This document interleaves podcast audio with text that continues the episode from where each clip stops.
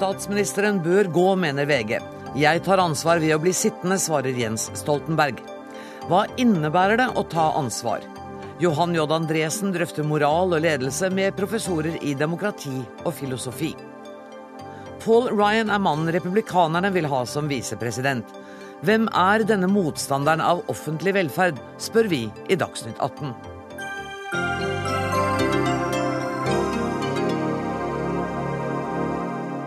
Og du kan like det eller ikke, men sommeren er ugjenkallelig på hell. Og i dag skal vi ta temperaturen på den norske bokhøsten. Men først. Jens Stoltenberg våknet i dag til VGs forside med overskriftene 'Slik sviktet Jens' og VG mener statsministeren bør gå. Flere andre har også tatt til orde for at den kritiske rapporten fra 22.07-kommisjonen bør få konsekvenser for landets statsminister. Jens Stoltenberg, hvordan, hvordan, reagerte du da du så VG i dag? Jeg tenker at det er en del av demokratiet vårt. At uh, en avis kan få lov til å mene at vi skal ha en annen statsminister. Uh, heldigvis så lever vi i et land hvor det er lov til å mene det. og det er deres vurdering. Jeg har en annen vurdering. Ja, Du ble spurt om dette i går, og jeg går ut fra at svaret ditt er det samme i dag? Det er det. Eh, og eh, min vurdering er at den beste måten jeg ivaretar det ansvaret jeg har, både for det som skjedde, men også for det som skal skje, er å fortsette som statsminister. Er, jeg synes Det har vært litt påfallende de siste døgnene at det er mange som krever din avgang, ikke minst på sosiale medier og i pressen. Men så vidt jeg har registrert, så er det ingen parlamentarikere som har krevd det. Hvordan tolker du det?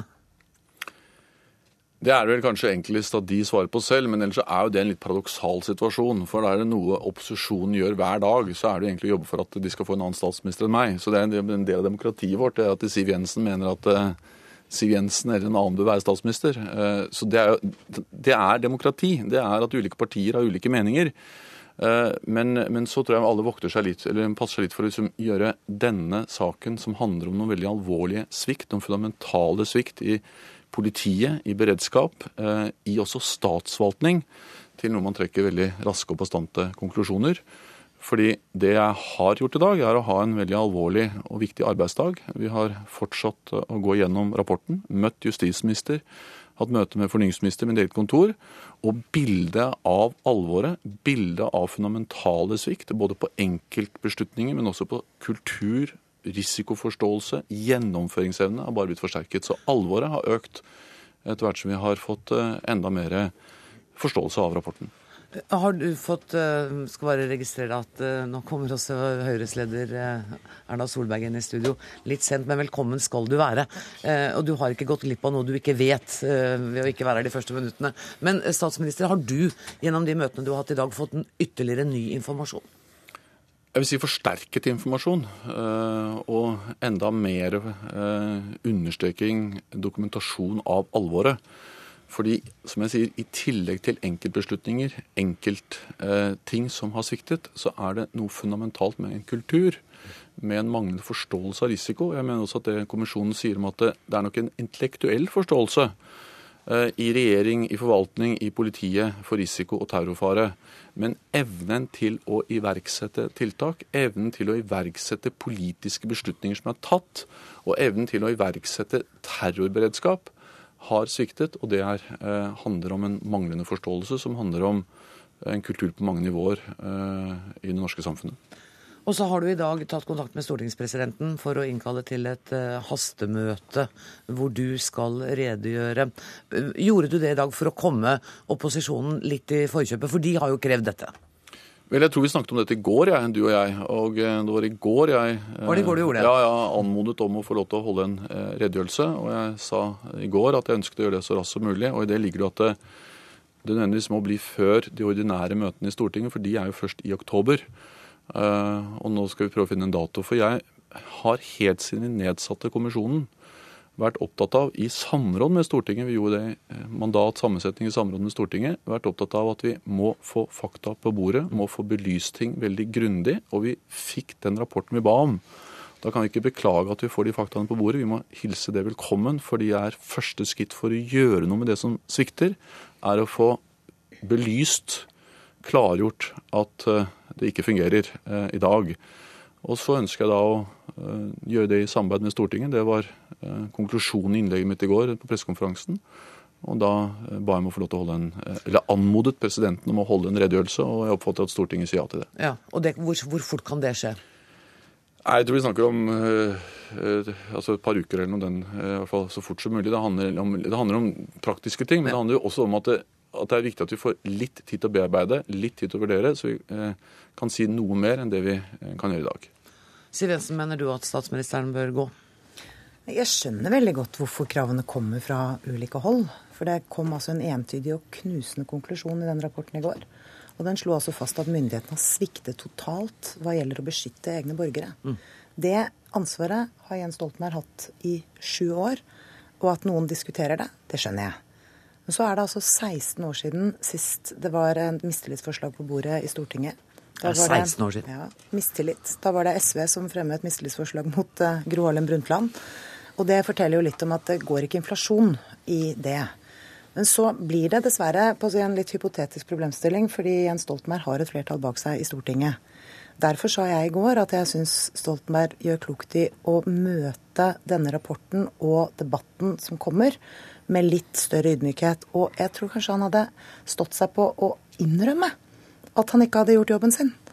Fordi det jeg hørte i går, var en statsminister som var veldig flink til å fortelle hva de har gjort. Og de har gjort en del ting som er riktig og fornuftig, men de har altså ikke gjort nødvendig innsats hva gjelder å styrke sikkerhet og beredskap. Og, Men det var jo det han nettopp sa innrømmet. Hvis du hørte hva han sa nå, så satt han jo nettopp innrømmet det. Ja, og det kommer seg, for å si det sånn. Men jeg tror det, jeg tror det er klokt, fordi dette er veldig, veldig alvorlig. Men jeg har lyst til å utfordre statsministeren på særlig tre ting som nå er viktig å få på plass. Det ene er at vi ikke må bruke like lang tid på å få på plass et beredskapssenter eh, som man har brukt på andre reguleringssaker, for å si det sånn. Det må raskt på plass. Det må raskt sette spaden i jorda, sånn at man får det. Det andre vi må gjøre, er å raskt styrke bevilgningene til IKT-satsing til politiet og for så vidt andre deler av det offentlige systemet. Ikke klattevis og delt, men så hurtig at politiet kan begynne å snakke sammen på alle nivå og alle ledd. Det tredje vi må gjøre, og det har Fremskrittspartiet etterlyst helt siden 2005, det er å få mer innsyn og kontroll med PST. Vi kan ikke øve særlig kontroll med beredskap og sikkerhet, fordi vi kjenner for lite til faktum. Hver gang jeg har utfordret eh, regjeringen på dette, så har de sagt at jo, men vi har jo begynt med åpne trusselvurderinger, og dere vet jo hvor mye vi styrker budsjettene med. Men det sier oss ingenting om den faktiske situasjonen for PST, om hvilke behov de har, om de er dimensjonert for de oppgavene de er lagt til.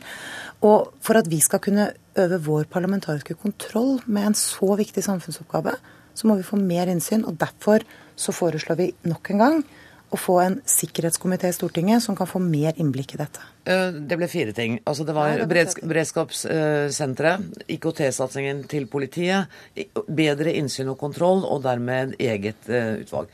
Eh, statsminister, kan du svare kort på dette? Jeg mener at Alle de tre tingene er noe vi skal drøfte med Stortinget. Derfor inviterer Stortinget til samarbeid om dette nå. Men jeg har lyst til å understreke én grunnleggende ting, og det er følgende. Det er at det som egentlig uroer meg mest med kommisjonens rapport i går, det var at hvis det bare hadde vært et spørsmål om å bevilge noe mer penger, så hadde det vært på en måte lettere å løse enn det jeg opplever som den mest fundamentale kritikken, nemlig at det er noe med hvordan vi bruker de menneskene, ressursene, utstyret, folkene vi har i dag. Og at det ikke brukes altså på en god måte. At vi ikke får den sikkerheten igjen for den betydelige opptrappingen vi har hatt bl.a. i bevilgningene eh, til politiet. Så ja, eh, vi trenger et beredskapssenter. Eh, justisministeren tok opp det på det møtet jeg hadde med henne i eh, morges. Ja, vi er opptatt av en uavhengig, eller en gjennomgang av PST. Den har vi allerede igangsatt, men drøfter gjerne med Stortinget hvordan vi skal følge opp det. Og IKT er jo åpenbart noe som politiet sliter med, og der det er nødt til å det skjer noe helt annet enn det som har skjedd så langt. Vi er nødt til å fortsette mm. runden hvis jeg skal rekke å få med alle. Erna Solberg, eh, hvordan vurderer du eh, situasjonen nå? Er du av dem som vurderer og, om statsministeren bør gå? Altså Jeg mener at diskusjonen om uh, innhold i ansvar er en viktig diskusjon. Um, og det er veldig viktig også i forhold til de pårørende nå å eh, se at man tar ansvar med noe som er innholdsmessig og substansielt. Så mener jeg ikke at alle ledere skal gå for det om det skjer kriser, eh, men det er veldig viktig hva som skjer i oppfølgingen. Og så holder jeg åpent for hva Stortinget måtte ende med som konklusjon på det arbeidet som vi skal igangsette først når statsministeren har redegjort, og når vi har fått stortingsmeldingen. Eh, jeg syns det blir feil at vi skal konkludere på dag to. Det er mange spørsmål som fortsatt er åpne på hvordan Altså, Hvordan kan det ha seg at når man har og får ros for at vi har gode beredskapsplaner, vi har mye planer, det er masse som er gjort, hvorfor dette ikke har fungert. Og det er klart at det statsministeren påpeker nå, nemlig gjennomføringskraften som har manglet på politiske vedtak, den er bekymringsfull. Det dreier seg om ansvarsfragmentering i vårt system. Den dreier seg selvfølgelig også om at enkeltstatsråder skal følge opp sine ansvarsoppgaver, ikke, og faktisk ikke bare vente på å bli informert av departementet. De skal også sikre seg at de blir informert. Det er mange sånne ting som vi er nødt til å grave dypere i og se på det, i tillegg til de 31 punktene av forbedringer som kommisjonen har foreslått, hvor mange av de er helt åpenbare ting som vi må sette i gang et hurtigarbeid på. Men vi vil både få en oppfølging på hva vi skal gjøre bedre fremover for å sikre at dette ikke skjer på nytt igjen, mm. men vi er også nødt til å gå gjennom og få en enda tydeligere klarhet på hvorfor sviktet det så fullstendig som den beskrivelsen vi fikk i går.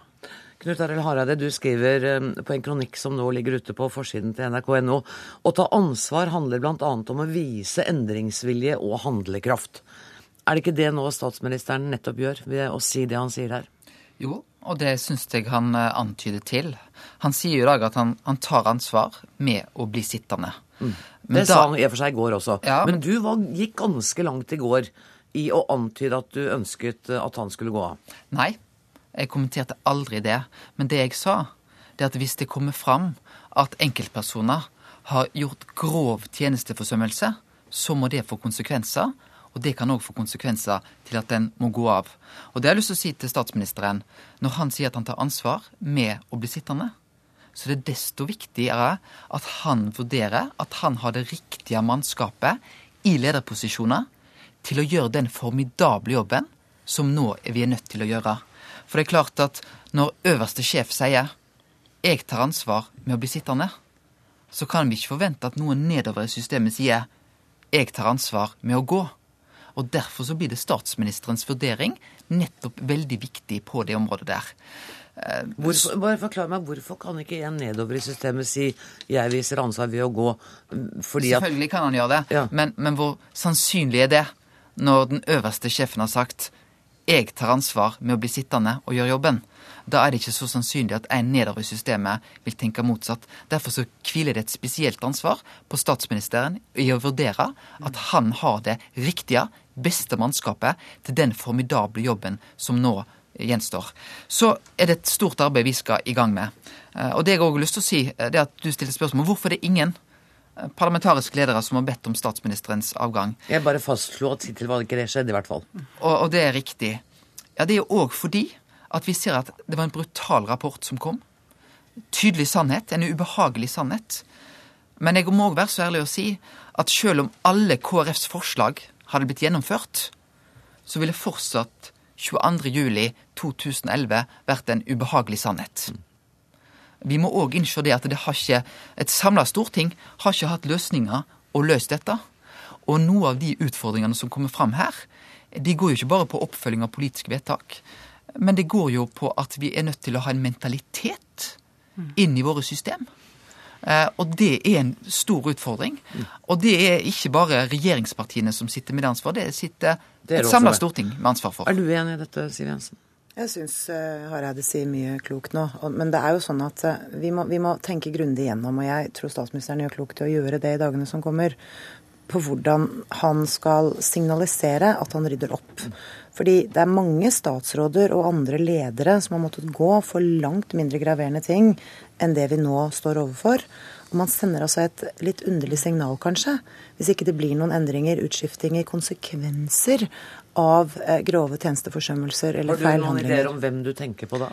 Nei, og jeg tror det er, det er, derfor jeg har etterlyst den redegjørelsen til statsministeren så hurtig som mulig. Fordi da kan også Stortinget gå i gang med sitt kontrollarbeid, både på forhistorien men også i forhold til å iverksette alle de tiltak som nå trengs. Jeg må minne om da, at det er mange regjeringer som har eh, litt å svare for her. Det har altså vært eh, unnasluntring og beslutningsvegring gjennom mange, mange år. Og jeg tenker nå at ja, statsministeren sier at han skal sende nok en melding til Stortinget. Eh, men mange av de tingene som kommisjonen pekte på, har vi altså diskutert mange ganger før i andre sammenhenger. Det som gjenstår nå, er ikke flere utredninger, det er handling. Jeg må bare høre kort med Erna Solberg om du også er enig i den vurderingen til Harald at selv om nå Høyre hadde fått gjennom alle sine forslag, og dere hadde sittet i regjering, så ville man ikke unngått hele den katastrofen som var? Nei, det tror jeg ingen politikere kan si med hjertet på hånden. Eh, vi hånd på hjertet, noen, hva? Ja, med hånden på hjertet. Eh, vi har eh, mange forslag som vi selvfølgelig kan skryte av, men, men jeg tror, vi, tror skal være, vi, skal være edruelige i dette. Den største utfordringen ligger jo nettopp i denne kulturspørsmålet, om hvordan vi får alle folk til å ta ansvar der de er, også ta ansvar for det som ikke bare er markedsføring av politiske standpunkter som kan være gode velgermagneter. Det er nemlig ofte sånn at de tingene som er å drive Norge, har en tendens til å bli kjørt nedover i prioriteten inntil det kommer en krise. Det må vi rett og slett få opp. Det er det grunnleggende ansvaret. Det som kommer på toppen, det er å gjøre de nye, gøye tingene du som politiker har lyst til å gjøre for å endre. Eh, statsminister, du skal få siste ordet her. Det er jo en stor vilje her til å se at eh, feil kunne også vært begått av andre regjeringer. Eh, hvor mye gruer du deg til den redegjørelsen for Stortinget og spørsmålene som kommer? Altså, jeg opplever at dette handler om å grue seg. for det vonde det skjedde 22.07. Og alt annet sammenlignet med det er på en måte galt å omtale det som noe man gruer seg til. Faktisk ser jeg litt frem til å få lov til å redegjøre, ta tak i disse tingene. Og Vi skal ikke vente med tiltak til vi lager et stortingsmelding. Finner vi ting som vi mener haster, som kan skje umiddelbart, så skjer det umiddelbart. Men eh, kommisjonen fremmer 31 forslag. Forslag nummer én, som kommisjonen selv sier er det viktigste, er nettopp dette med kultur, holdninger, bevissthet.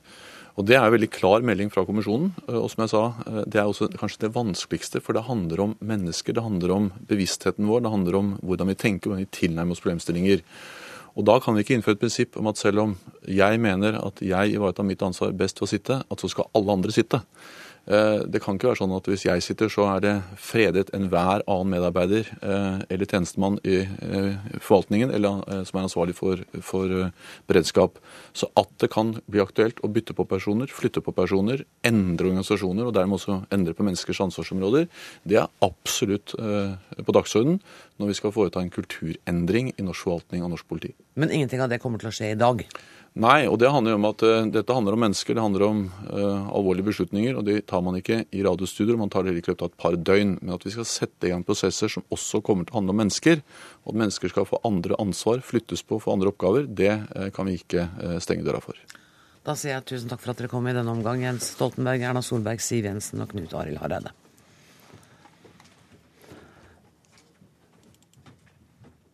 På lederplass i dag, som jeg nevnte, så skriver altså VG at Jens Stoltenberg bør gå av som direkte konsekvens av den harde dommen fra 22.07-kommisjonens rapport.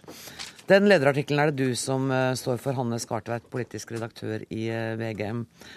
Du har fått mye kritikk i dag, har jeg sett på sosiale medier, for at du mener akkurat dette. Forklar hvorfor mener du det? Det kommisjonen dokumenterte i går, var at det sto enda mye dårligere til enn det vi hadde trodd med det norske beredskapssystemet. Grunnleggende systematiske feil i eh, politiet, lederkrise, eh, kultur, holdninger. Kommisjonen sier rett og slett at dersom ting hadde fungert, så er det ikke sikkert alle disse menneskelivene hadde gått tapt 22.07. Den øverste ansvarlige for det er statsminister Jens Stoltenberg. Og jeg mener at en del av lederansvaret i en slik situasjon er å trekke seg og si at nå må noen andre ta jobben videre. Men da er det jo også sånn, bare så for å understreke det, at det er ikke snakk om at bare statsministeren går. Da går hele ja. regjeringen. Eh, det er ingen parlamentarikere som krever dette. Det visste du sikkert godt da du satt og skrev det. Hvorfor skriver du det likevel, når du vet at dette er et, et hypotetisk krav fra din side? For det er det ikke et krav. Det er råd, vårt råd til statsministeren. Vi mener at han bør gå av anstendighetsgrunner. Vi, jeg visste veldig godt at, at, han ikke kommer til å gå av. Det er en flertallsregjering. Han sitter trygt. Uh, og de, de, politiske lederne som var her inne nå, de ønsker jo ikke det. De ønsker at han skal sitte frem til valget fordi vi har en valgkamp hvor de kan gå til valg uh, mot de som sitter i regjering. Mm. Men jeg mener at det er et rett standpunkt. Jeg mener at det er moralsk riktig at en leder i en slik situasjon tar ansvaret og trekker seg. Og vi kan jo ikke forholde oss til det politiske eh, spillet når vi tar våre eh, standpunkter på hva som er rett. Så dette mener jeg moralsk er riktig. Irene Halvorsen, samfunnsredaktør i Dagsavisen. Du går også ut og ber om konsekvenser etter avsløringen i går. Men ikke nøyaktig de samme som Anne Skartveit ber om? Nei, jeg syns at det å be moralsk om at eh, Jens Stoltenberg skal trekke seg, er uh, med respekt å melde det reneste bås. Jeg tror ikke noe på det. Jeg tror ikke at, vi, at det gir de endringene som skal til. Men det kan godt hende at Jens Stoltenberg ikke leder regjeringen i Norge om noe tid. Det ser jeg ikke bort ifra. Jeg tror også at det er sånn at uh, det faktum at uh, ingen parlamentariske ledere ønsker hans avgang nå, det skyldes nummer én det Knut Arild Hareide her er så ærlig at han faktisk innrømmer. De er ikke overbevist om at det hadde sett annerledes ut med et annet mannskap i ledelsen. Det er veldig viktig. Det er en uh, ganske dyp erkjennelse fra KrFs leder. I tillegg så er det jo sånn at de ønsker jo ikke å overta makten på en slik situasjon. Eh, Erna Solberg sitter helt stille hun, og håper at eh, dette skal løse seg helt av seg selv, sånn at hun heller kan gå inn og vinne valget i 2013. Eh, men det går jo selvfølgelig an å ha en sånn moralsk mening, men jeg mener at den er feil. Fordi rapporten, ja, jeg er helt enig med eh, VG og Hanne Skartheis vurdering av hvor alvorlig og rystende rapporten faktisk er. Og alle jeg snakket med i går, sa det samme. Den avdekker svakheter langt utover hva vi trodde var mulig. Men den sier også at informasjonen til befolkningen var god i en helt ekstrem krisesituasjon.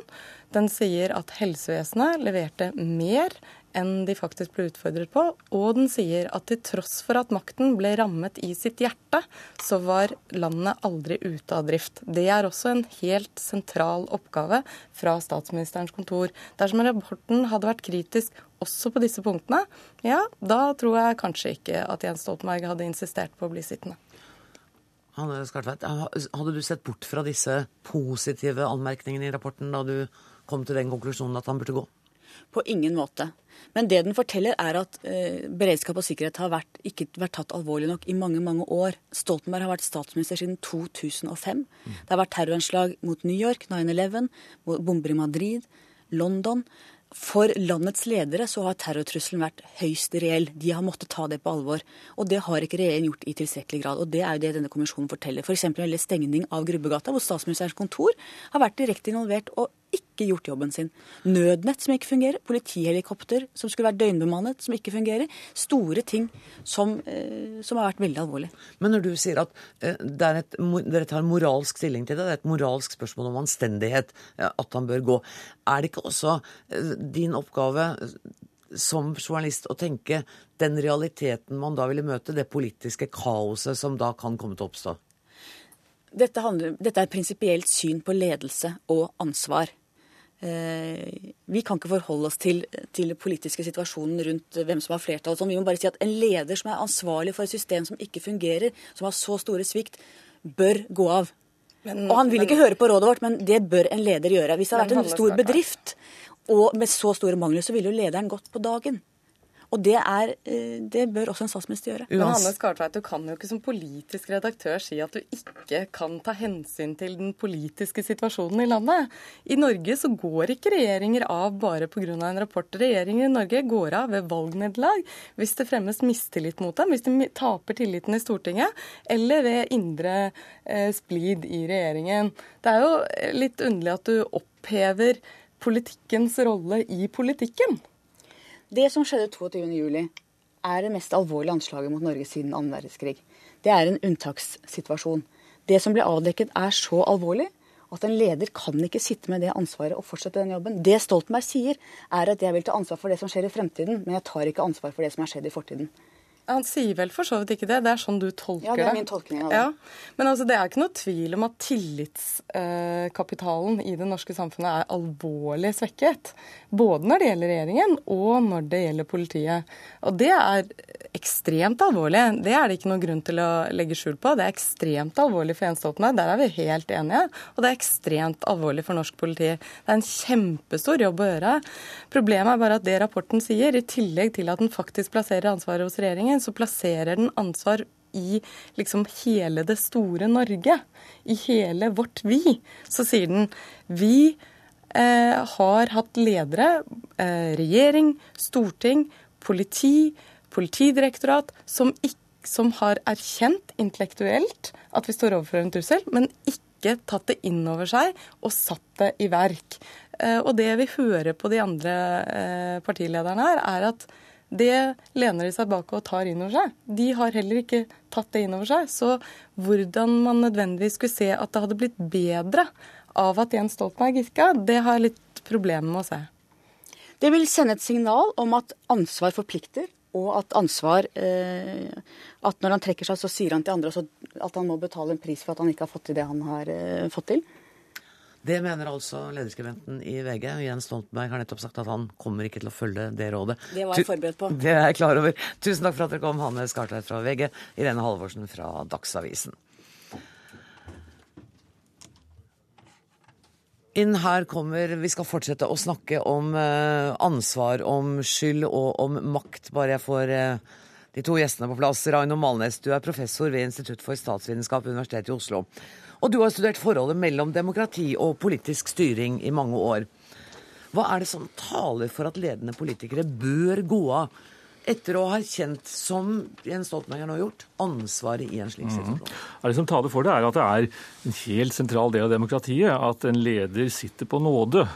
Og at det finnes ikke noen som simpelthen er gode ledere. Man må stå til regnskap for det man gjør, og hvis man ikke leverer, så må man gå. Det er et viktig demokratisk prinsipp. Og hvis Stoltenberg hadde gått av i denne situasjonen, så ville det på sett og vis stadfestet en viktig del av demokratiet. Men så er det klart at Én ting er prinsipper og regler, og noe annet er konkrete situasjoner. Og Spørsmålet er jo hva vil det kunne føre til av gode effekter om Stoltenberg går av nå? Sannsynligheten er vel forholdsvis stor for at det ikke får så veldig mye å si, at det til og med kanskje kan virke mot sin hensikt. fordi hvis en som har formelt ansvar for noe han ikke har tatt reelle avgjørelser med hensyn på, så kan det så å si virke som en liksom-løsning, altså en, en, en kvasiløsning på et problem som egentlig bør løses lenger nede. Men, men sånn som jeg tolker Anne Skardøy, så sier hun at det ville, det ville, gi et viktig signal. Altså, ja. altså Det ville vært et, et symbol, et viktig mm. symbol, at, at, han hadde gått av. Ja. Eh, og så sier hun at og da forholder jeg meg til det moralske aspektet og ikke til de politiske konsekvensene. Jo, men moral er mye mer enn et spørsmål om eh, å sende signaler og, og, holde uh, symboler i hevd. Moral er jo først og fremst et spørsmål om å få gjort verden bedre. Mm. Og spørsmålet Spørsmålet er hva hvis Stoltenberg går i morgen, hva kommer i stedet? En nasjonal samlingsregjering, er det det hun ser for seg? Neppe. Det vil heller ikke være noe god demokratisk løsning. Sannsynligheten nå har jo Stoltenberg vært, som det heter, ute en vinternatt. ikke sant? Han har høstet en smertelig erfaring. Mm. Kanskje er han en av de som er best skikket til å løse problemet nå. Kanskje det. Men, men det, det, vet vi ikke. Det vet vi ikke. Men, men vi, det du sier, er at gi ham og denne regjeringen en sjanse til å vise at de er endringsvillige, og til å ta det ansvaret som nå kommer. Ja, jeg sier Det kan ha to tanker i hodet samtidig. På den ene siden, demokrati innebærer at man skal hele tiden stå til regnskap for det man gjør. På den andre siden, demokrati er også et spørsmål om å vurdere hva som kan gi godt lederskap i konkrete situasjoner. Mm. Og kanskje er det hensynet tyngre i denne situasjonen her. Vi skal ta med oss eh, Arne Johan Vetlesen. Han sitter i studio i Tønsberg og er professor i filosofi ved Universitetet i Oslo. Og så langt i karrieren har du vært mest opptatt av ondskap, massakre, krigsforbrytelser og massedrap. Og du har tidligere her i Dagsnytt 18 snakket om hvordan erfaringer med rå ondskap kan leges. Hvor viktig er det for alle oss at vi får dette oppgjøret etter 22.07, hvor ansvar og skyld fordeles? Ja, det er jo en flott ting at eh, rapporten ble akkurat så ærlig og usminket som Stoltenberg hadde bedt om at den skulle bli. Og at vi får denne tydeligheten med henblikk på hva som sviktet, og også hvilke etater og i noen grad av hvem som sviktet når det gjelder toppledere. Eh, det som eh, vi står overfor her, er jo veldig komplekst 22.07. Altså det er mange etater inne i bildet. Det er mange toppledere inne i bildet. Eh, noen er politikere, andre er embetsmenn, andre er profesjonelle politifolk osv. Hvis vi skal snakke om Stoltenberg da som statsminister først, så, så er jeg jo enig i det som Knut Arild Hareide sa tidligere at eh, det hadde nok ikke vært så veldig mye bedre fatt eller annerledes fatt eh, om vi hadde hatt en annen regjering eller en annen statsminister eh, disse årene. Det tror jeg er riktig, og han fikk ingen innsigelser av de andre politiske lederne på det. Han fikk rett og slett støtte. Mm. Ja, og jeg syns det, det, er bra at opposisjonen viser denne tilbakeholdenheten og jeg vil si modenheten at de ikke rusher etter f.eks. av VG og, og, krever noen uh, avgang og posisjonerer seg og utnytter dette partipolitisk. Men det du spør om, da, altså dette med, med skyld, ansvar etter et slikt også nå nasjonalt uh, traume. Det som slo meg da det kom en del sitater fra rapporten i går som jeg da ikke selv har lest enda, det er jo at vi nå, for å ta litt om Utøya, er kommet ned på et, et presisjonsnivå, et detaljnivå, eh, på minutter. Ikke sant? Eh, hvis politiet hadde kommet til Utøya eh, fem over seks, så hadde 25 menneskeliv der ute blitt spart, nemlig de som ble skutt i 25 minuttene som gikk til halv syv og ble tatt. Eh, da har vi to kategorier også når det gjelder de som ble drept der ute, og de pårørende. Det er de som ble eh, drept helt først, som da presumptivt ikke kunne ha vært reddet åkke som. Og så har vi de som da ble drept etter et tidspunkt hvor politiet optimalt sett kunne ha vært der, men ikke var der. Og da får vi inn et sånt element av unngåelighet for noen ofre, mm. men ikke for andre. Og jeg spør meg jo, og dette vet jeg ikke, jeg spør meg hvordan er det for en pårørende, en etterlatt, er det, er det bedre å nå komme ned og fokusere på dette detaljnivået? Eh, særlig for denne siste kategorien, eller, eller er det bedre å ikke vite så uh, nøyaktig? Uh, og jeg, jeg, tenker at det kanskje ikke er til noen hjelp, i hvert fall ikke for alle eller veldig mange, for dette sorgarbeidet som de, og i noen grad vi som folk, er midt oppi at vi får det så eh, presist, så, så, kirurgisk så å si, som vi kan gjøre i dag i kraft av eh, teknologien og når mobiltelefonen ble skutt i filler osv. Du har brukt ordet overpresist om denne rapporten? Ikke om rapporten, Nei, men, om, men, men, om på en måte å, å trekke noen mm. slags politiske og for den saks skyld moralske implikasjoner mm. av at vi er på dette presisjonsnivået. Jeg vet ikke hvor heldig det er. Mm. Malnes, kan man få for mye informasjon, for mange detaljer? Dette syns jeg det er veldig vanskelig å, å, si noe om som ikke er nokså friksjonsløs mm. spekulasjon. Altså. Men jeg tror at det som trengs nå, hvis vi skal se på spørsmålet om fordeling av ansvar og hvor man skal sette innsatsen inn, det er jo nettopp informasjon om hvor ting kunne vært gjort annerledes. Og så tror jeg man fort vil finne ut det at eh, når det er snakk om å vurdere risiko, i den grad feilen ligger der at risikovurderingen ikke var god nok, så vil jo enhver hver eneste risikovurdering være diskutabel og omstridt. Grubbegata burde vært stengt, sier noen. Men nå er, sier de det. Ja, Ingen sa det, det, før. Altså, det sto en leder i en stor norsk avis eh, i 2007 hvor det sto at det var hypotetisk og hysterisk å ville stenge Grubbegata, og det kunne føre til at en viktig del av sentrum vil bli lagt øde. Gaten virker allerede i dag skummel og har lite liv, sier det. Uten biltrafikk blir den enda mer utrygg. Aftenposten har i dag beklaget den ja, lederen. Nei, jeg syns det er grunn til å beklage. Det er en veldig klok vurdering.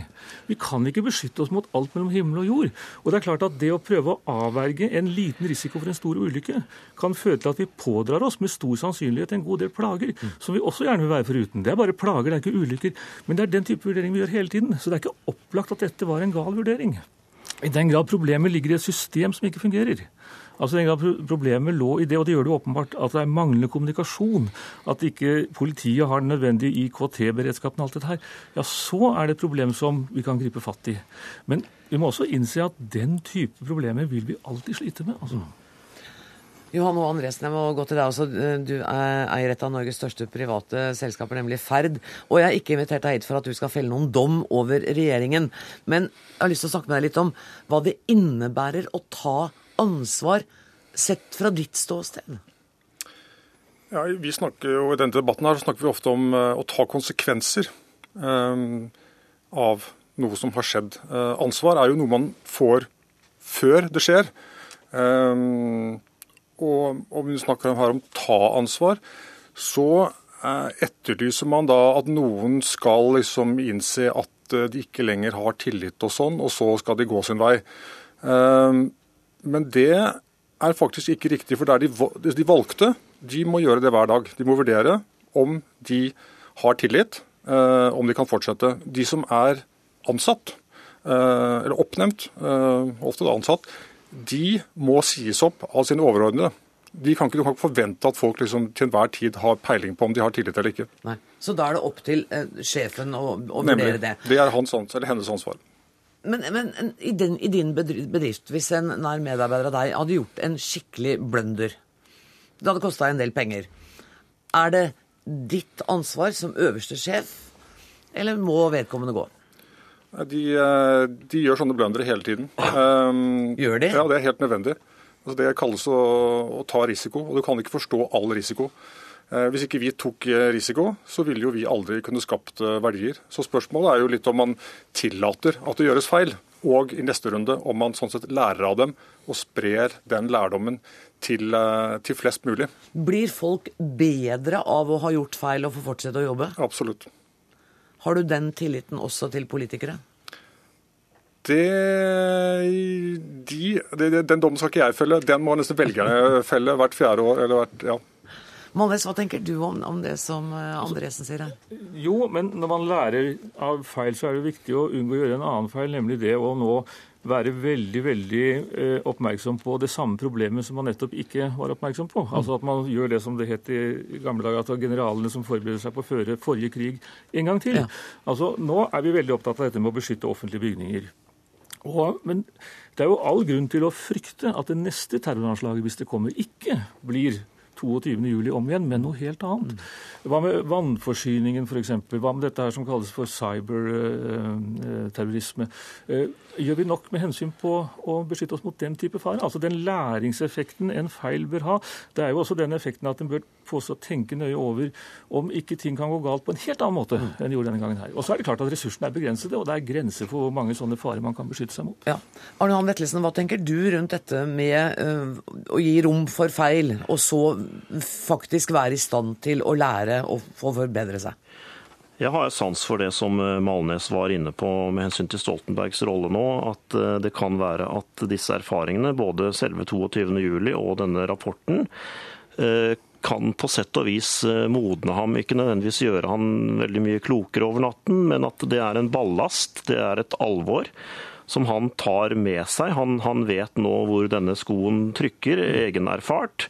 Eh, han var for den saks skyld også selv et, et bombemål i høyblokka osv., så, så så han har for så vidt mange roller alt i alt, også rent menneskelig oppi dette.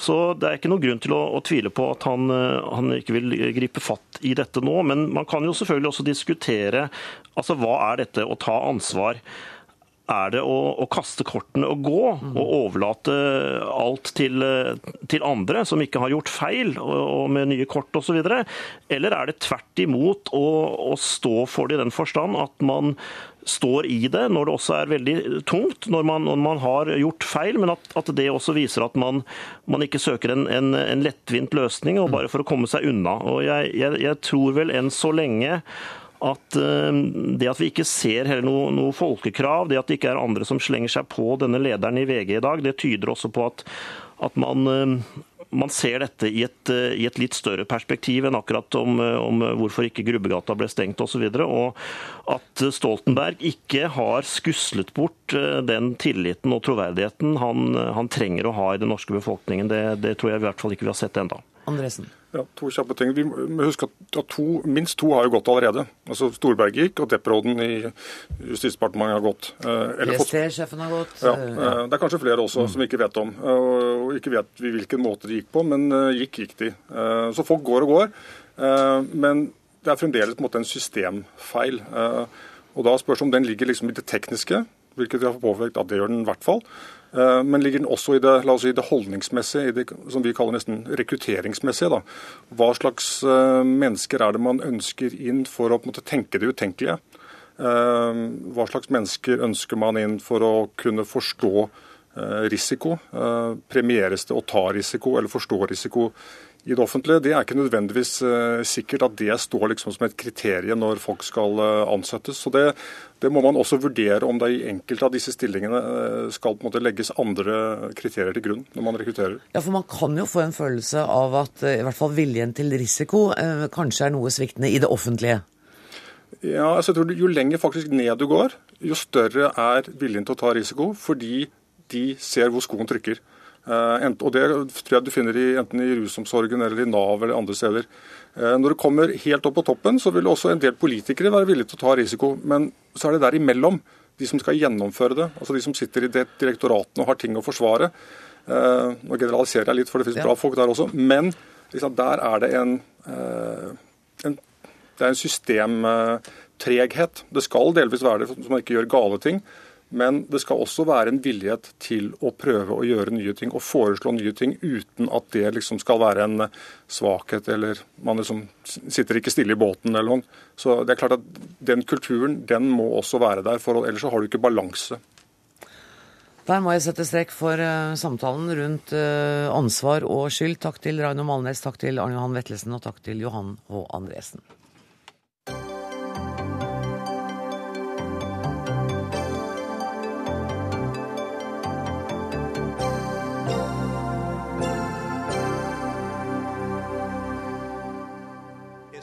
Honor to announce my running mate and the next Vice President of the United States, Paul Ryan. Der hørte vi Mitt Romney kunngjøre sitt eh, visepresidentkandidatvalg under et stevne i Virginia. Og Anders Tvegård, du er NRKs eh, USA-korrespondent og til stede i Washington nå. Hvordan er reaksjonene til Romneys valg av Paul Ryan? Det er eh, jubel i begge leirer, for å si det sånn. Eh, Oi. Romney har eh, mer eller mindre bevisst klart å forene både venstre- og høyresiden. Demokratene de har fått en klar motstander i Ryan. De konservative hos republikanerne, som har vært skeptiske til Romney, er godt fornøyd med paressen hans. Ryan han selger Romney bedre enn Romney har klart selv denne sommeren. Han er med på å gi kampanjen en retning og konkret politikk, eller et klart veivalg for amerikanerne.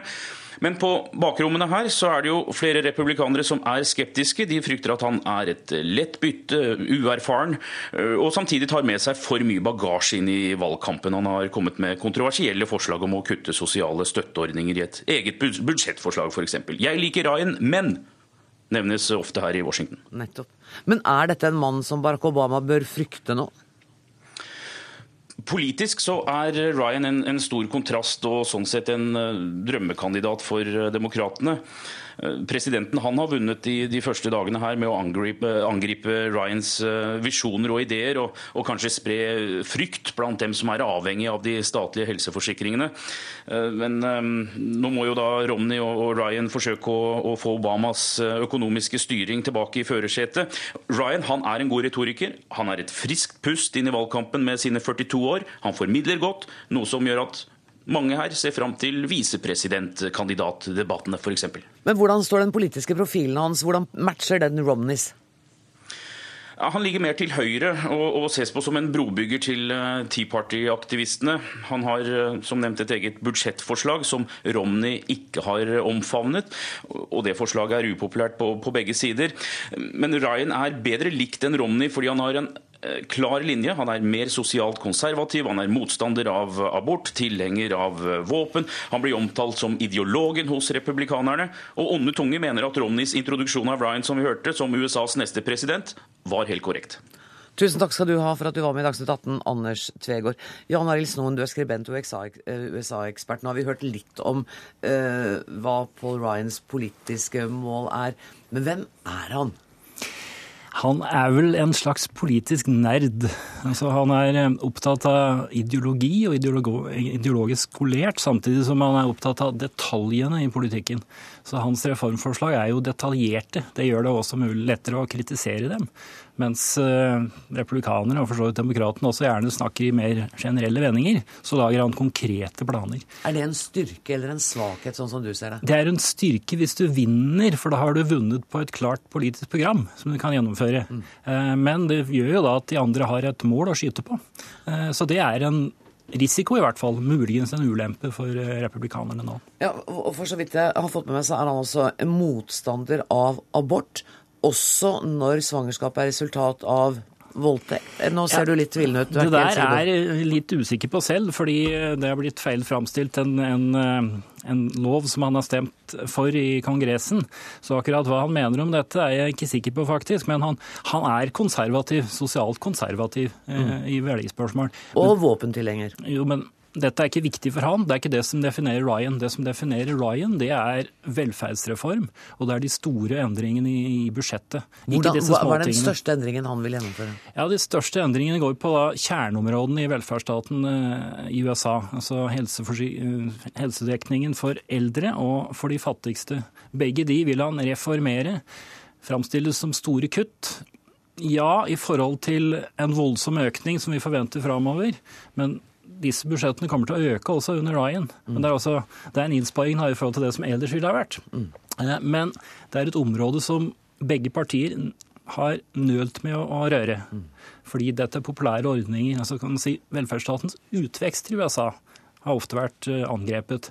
Men dette kjernet, altså eh, alderspensjon og helsedekning for eldre og, og fattige, det har vært sånn kjerneoppgave. Eh, Nå sa Anders Tvegård at eh, også demokratene mobiliserer nå, etter at han ble visepresidentkandidat. Eh, betyr det at det liksom blir en ny energi i den demokratiske valgkampen? Valgkampen nå blir handlende mer om politikk enn det hadde blitt med en skal vi si, kjedeligere visepresidentkandidat. Og det er bra? Det er bra for valgkampen. Det er bra, for da må amerikanerne ta stilling til konkrete forskjeller. Ikke bare hvilken person de liker best. Romney hadde tidligere lagt opp til det. Det skulle være en sånn folkeavstemning mot Obama og for han som en god manager. Ja, Det har han slutta med litt nå. Altså, Han har valgt et annet spor ved å velge denne visepresidentkandidaten. Nå tror jeg nok at Romney vil moderere en del av det som, eh, som Ryan står for. Eh, Vil ikke gå så langt. Men det er likevel et tegn på at han tar litt mer sjanser. Kan Obama satse på å surfe inn til seier eh, nå igjen? Nei, det kan han ikke. Så det er mulig Jeg tror at dette valget av Ryan muligens styrker Obama litt. eh, Og han leder litt fra før. Men, men litt og litt er fremdeles ikke veldig mye til sammen. Eh, Det er fremdeles et jevnt valg der Obama ligger litt foran, men ikke med noe seier i lomma. Du satser ikke penga dine på noen av kandidatene foreløpig? Jo da, det har jeg gjort for lenge siden. Og du har gjort det? Takk for at du kom, Jan Arild Snoen.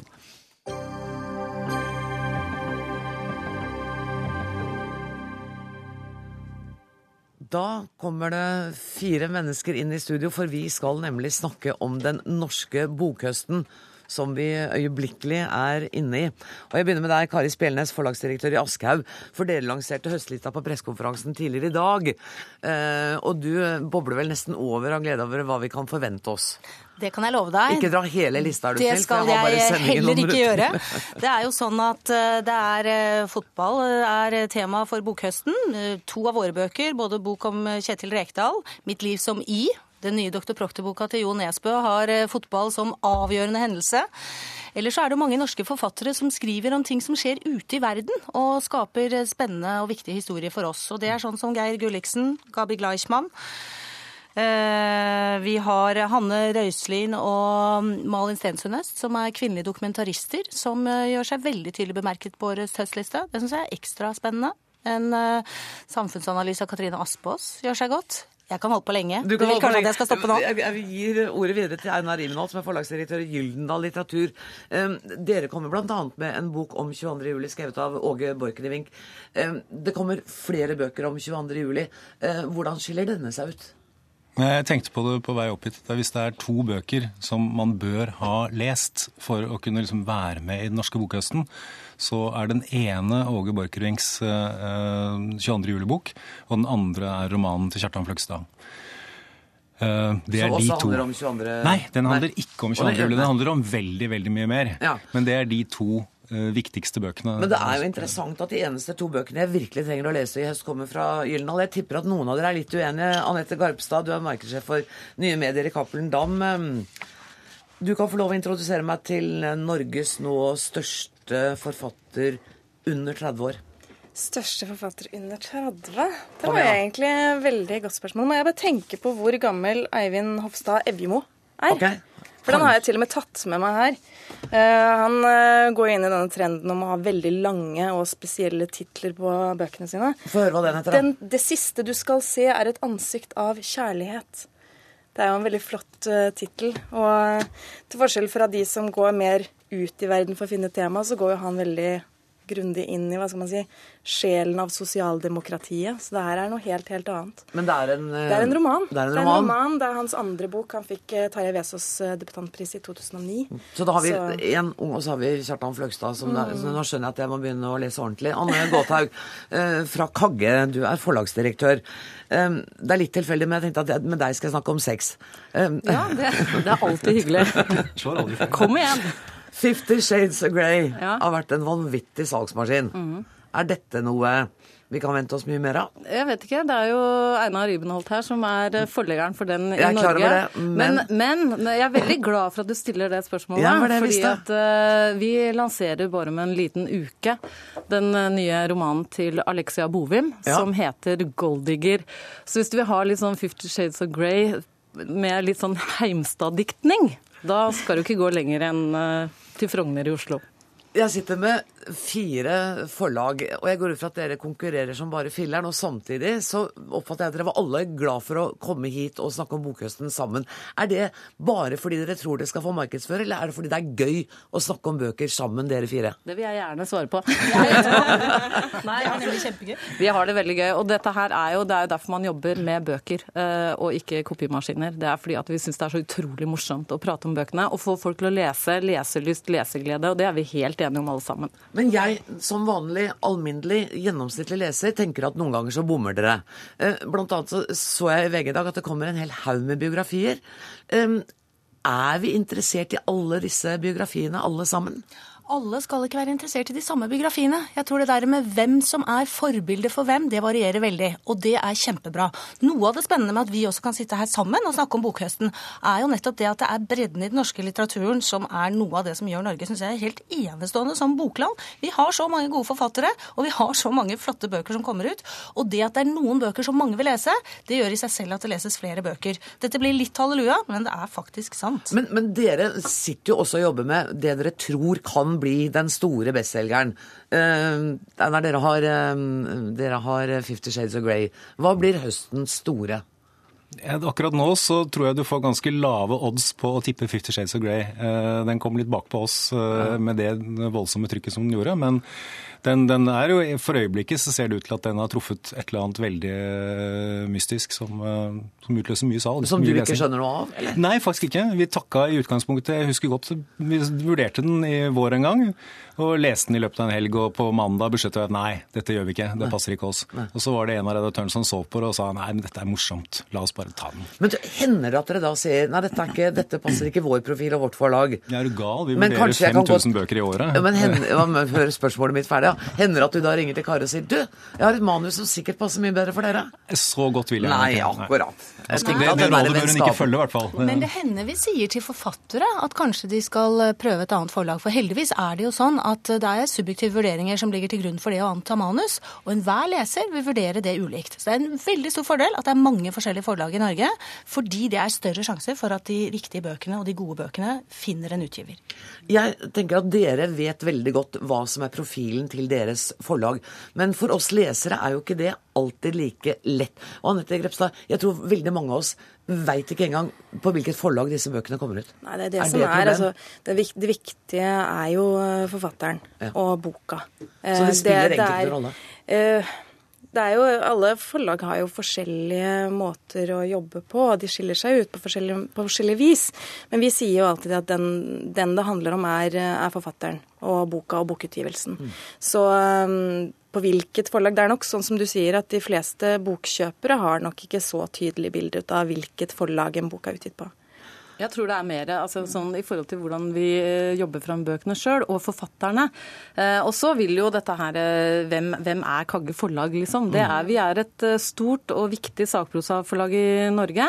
Og etter hvert også gode på seriebøker for barn. Det er liksom vår profil. Men går du ut i gata og spør om det, så er det ikke sikkert at noen vil vite det. Men det som er bra, er jo at forfatterne begynner å finne ut av dette etter hvert, og skjønner at man da kan spille på litt flere hester. Og det tror jeg er bra for mangfoldet og konkurransen i vår, eh, i vår bransje. da. Du, jeg tror ikke du helt fikk anledning til å liksom komme med dine Nei, unnskyld, det var Alle de andre, de andre tre fikk lov å komme med titler og greier. Bare, mm. hva er um, favorittboka di i høst? Nei, Det er så vanskelig å, å, kunne peke på én, men, eh, men, jeg vil jo kanskje be folk være ekstra oppmerksomme på biografiene våre. Og ikke minst så har vi en bok av en kar som sitter oppe i Svolvær og ferdigstiller en bok som heter Torsk en fyr som heter Frank A. Jensen, en skjønnlitterær fyr, som nå lager sakprosaboka Torsk. Ok. Hvem av dere er det som har boka Vaffel? Ja, det er deg, Den Kari er det vi på Aschehoug som har. Det er Stina Aaslund, øh, Aasland som har skrevet 'Jeg elsker vaffel'. Det blir årets pasjonsbok. I år stabler vi vafler. Ja, ikke sant? Det blir, det blir torsken fra Frank A. Jensen og vaflene som blir vedbøkene i, i år. Det gjør det. Ja. Jeg vet Og jeg, og så spør du meg, vafler er jo enda litt bedre. En, en torsk? En ved? en ved, ja, det skulle si. Du er ikke helt sikker på det? Nei, altså i, i forhold til uh, sånne faglitterære Jeg må jo si at jeg syns den vaffelboka høres uh, strålende ut. Uh, men av de skjønnlitterære så kommer jo JK Rowling endelig med bok for voksne. Som ikke handler om som om ikke handler om, så vidt vi vet, Harry Potter. Eh, Har du ikke sett manuset manus ennå? Nei. Det har jeg ikke. Det, her det en- holdes veldig veldig tett. Det er en roman for voksne. Den er stor og tjukk. Og den skal hete Den tomme stolen på norsk. Og det er faktisk avgjort eh, bare for veldig kort tid siden, så det er første gang vi går ut med den. Jeg tenker at um, Einar Ibenholt, du sitter i studio nå med fire damer. Uh, og i dette studio har vi diskutert uh, før det faktum at det er, noen opplever det som et problem at det er damer ofte så høyt opp i årene som meg som leser bøker. Hvor bekymringsfullt er det? Er Overhodet ikke.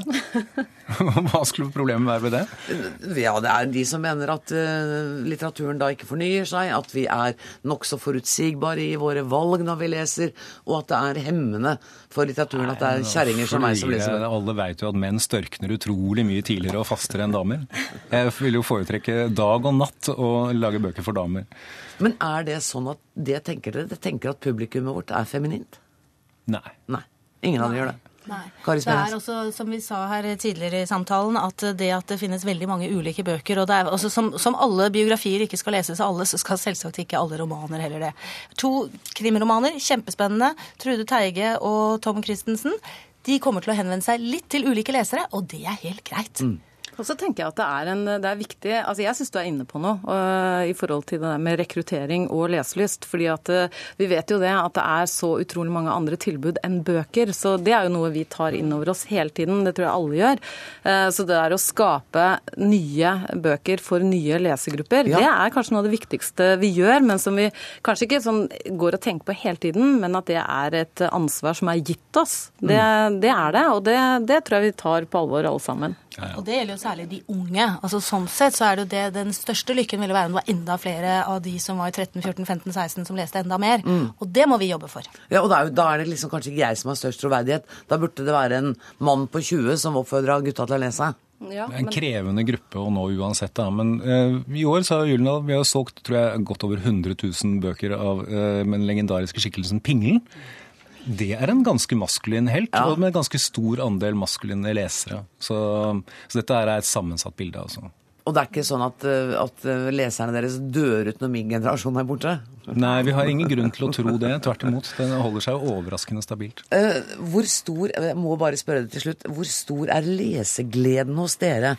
Jeg tar med meg en bok og koser meg fordi det er fritida mi.